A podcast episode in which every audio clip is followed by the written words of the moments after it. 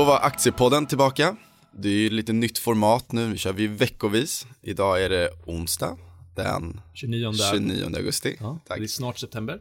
Exakt. Jag, Karl-Henrik Södberg, sitter här med lite halvkrasslig röst. Kristoffer och även eh, Jonathan. Jonathan. Vem är du Jonathan?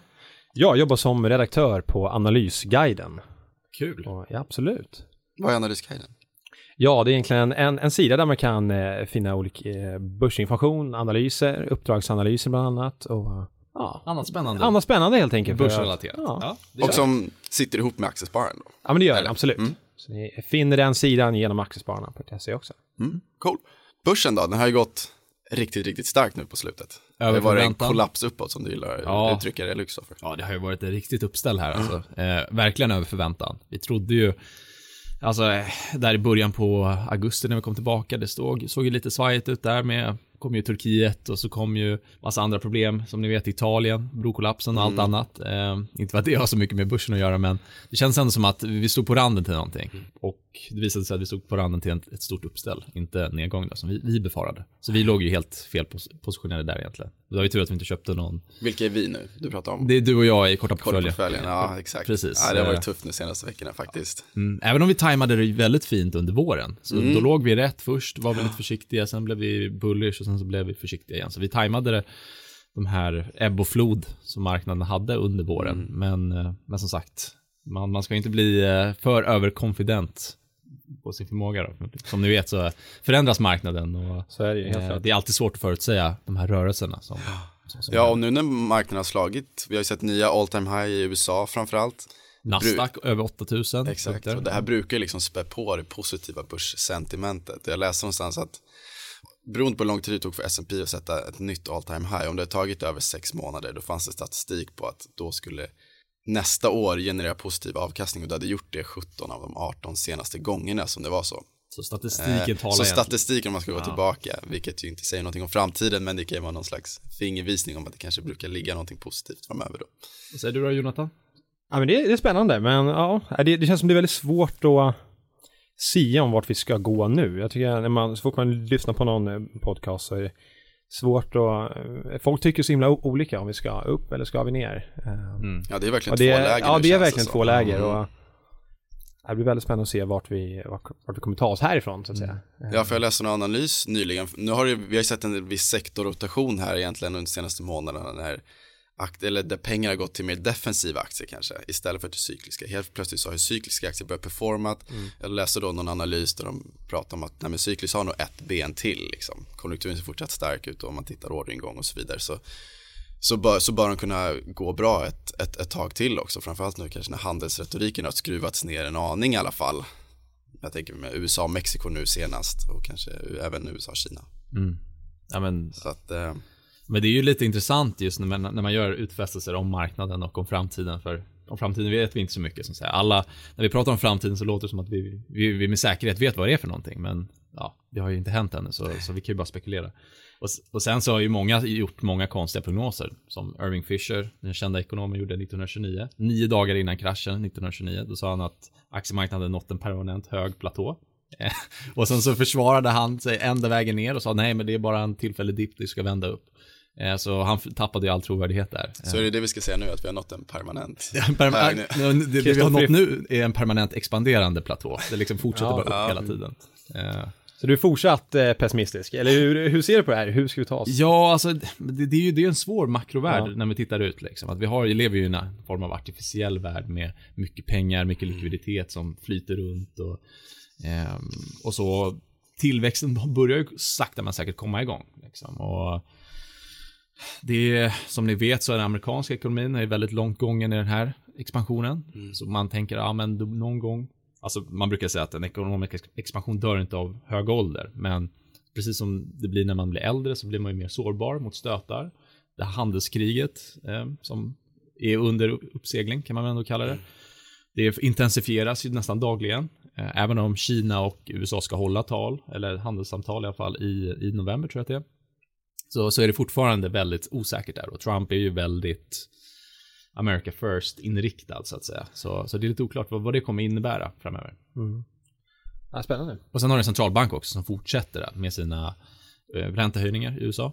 Ja men där var det väl ändå lite positivt för att Powell var väl ute nu i veckan och på något sätt så var ju han Marknaden är orolig kanske att Fed känner att de är behind the curve som man säger. Om man börjar se att inflationen tar fart så fort så måste de kanske höja snabbare än vad de har kommunicerat till marknaden. Men nu verkar det inte vara så. Och inflationen verkar ändå hålla sig ganska stabilt här ändå i USA. Absolut. Att, Utifrån eh, gängse måtten i alla fall. Ja, exakt, Eh, exakt. Och sen kan man ju titta på, jag såg en intressant graf, kanske korrelationen mellan oljepriset och inflationen, som egentligen brukar följa varandra väldigt tajt. Helt plötsligt har ju de spreadat isär enormt. Oljepriset har gått upp väldigt mycket, inflationen har hållit sig kvar. Så frågan är om det gapet kanske ska stängas. Och det finns ju också, om man lyssnar på många sådana här conference calls, där bolagen själva berättar om sina rapporter och hur, rörelserna går, då, då säger de att det finns ju alltså, tryck i vissa sektorer i, i ekonomin. Eh, Att det finns viss lön, löntryck, det finns brist på, på kompetent personal. Eh, Och det är, förlåt, men det är det man ska komma ihåg, löneinflation är faktiskt det som betyder någonting egentligen. Man brukar prata om kärn, kärninflation exempelvis. att precis. oljan brukar man kanske exkludera i vissa fall för att den anses väldigt volatil, men att just löner är det man tittar på. Men oljan påverkar ju, alltså energipriser påverkar ju hela, hela spektret egentligen. Eh, I, I ekonomin. Alltså allt går ju från A till B med hjälp av någon form av energi och då är ju oljan helt central i, i den dynamiken då. Eh, Och eh, börsmässigt så har det ju varit lite spretigt ändå. Du var inne på defensiva bolag har ju har ju många sökt sig till, men nu har ju mer cykliska bolag börjat prestera också. Så är det ju. Eh, Fingerprint är ju på vinnarlistan nu såg vi också senaste månaden. Ja, just det. Ja, de har vaknat till liv. Ja, Mm. och bland förlorarna så har vi ju Ja, har vi någon utmärkt? Leo Vegas här. Ja, Leo Vegas, precis. Betting-orienterade Leo Vegas. Mobilbettning är det väl? Ja, precis. Ja. Men hela, hela sektorn där har ju tagit rätt mycket stryk senaste tiden också. Sen. ja, och vi har ju omreglering i Sverige. Precis. Eh, det är lite strul i Nederländerna vet jag också. Ja, lite strul där. Eh, men också, Leo Vegas har ju varit väldigt tillväxtorienterad och de Ja. har flaggat för att Ja, men det var ju fotbolls-VM, att man drog ner lite marknadsföringskostnaderna och då tappar man direkt i tillväxt. Ja, de är ju lite, lite mer inriktade mot eh, ka, kasinodelen. Precis. Precis. Eh, inte lika sportorienterade så. Även om de försöker bygga upp en sportbok då. Exakt så är Ja. det ju. Eh, Men de flaggar väl för att fotbolls-VM inte var lika stort för dem. Nej. Det är Jämförelsevis mot bolag. eh, Kindred exempelvis. Ja, men precis. Ska vi gå över till eh, veckans spaning? Det kan vi absolut göra. Berätta för oss Kristoffer. Ja, det- Jaha, det- det, är du min som har spaning? varit ute Oj, och... oj, ja, vad, vad har jag gjort? Oj, jag har tidigare i veckan, så som ni vet, förra fredagen, alltså den 24 augusti, så öppnade japanska Uniqlo sin första butik i Stockholm. Eh, vid Kungsträdgården, Hamngatan. Det har varit ganska hypat det här. Jag Det har varit man har väldigt hypat. sett det här lite överallt. I. Det har varit mycket spekulationer i många år om att just Uniqlo skulle etablera sig i Sverige. Eh, och som ni vet så har ju vår svenska, vårt svenska H&M har inte gått jättebra eh, under de senaste åren egentligen. Och nu får man ytterligare press när den här utländska framgångsrika sagan kommer, kommer, till, kommer till Sverige. Jag skrev ju om Uniqlo eller Fast Retailing som är modebolaget i, i tidningen förra året eh, när jag var i Japan. Eh, det är väldigt expansiv rörelse. Man har ju ett helt annat koncept än H&M egentligen. Man satsar mer på basplagg, man har stora produktionslinjer så man kan eh, få en helt annan skala i de här, eh, i de här eh, produkterna och tjänsterna som man har. Man investerar väldigt mycket i såna high-tech material också som man ska kunna använda i sportsammanhang, i jackor, i annat. Så man ligger väldigt långt, man har kommit väldigt långt på många sätt och vis. Eh, och man fortsätter, man har ju en liknande tillväxtmodell som H&M egentligen och öppnar nya butiker på nya marknader. Online så är man inte jätteduktig. 10-20% av försäljningen är online. Eh, så det är fortfarande fysiska butiker. Men i och med att man fortfarande har positiv försäljning i jämförbara butiker så resulterar det, när man öppnar nya butiker så adderar det till en redan växande massa då. Eh, Så man har ett väldigt starkt operativt momentum. Men om man tittar på verksamheten, vi ser en viss skillnad då mot H&M när det kommer till exempelvis modeinriktning så har jag förstått att Uniqlo, de kör ju sina basplagg. Mm.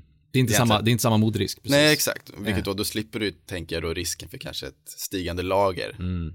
Ja, Och det, det är, har ju det, det är ju det H&M har brottats med senaste åren exempelvis, vilket har lett till pressade marginaler. det, det är ju lite problematiskt det där, för när du har en expansiv rörelse inom exempel, exempelvis liksom klädindustrin, då måste du ju ha när du öppnar nya butiker måste du ha något varulager för du måste ha någonting att sälja. Så, så det, ju, det går ju hand i hand egentligen. Men, men nu har man ju satsat på liksom fel saker i H&M egentligen. Så man har, ja, även om ledningen säger att, att varulagret är inte så be, be, bekymmersamt så är det fortfarande att ja, försäljningen i jämförbara butiker går ner. Så man sitter på liksom, mycket produkter som inte kanske säljer så bra. Eh, och så, så har man självklart den här moderisken också.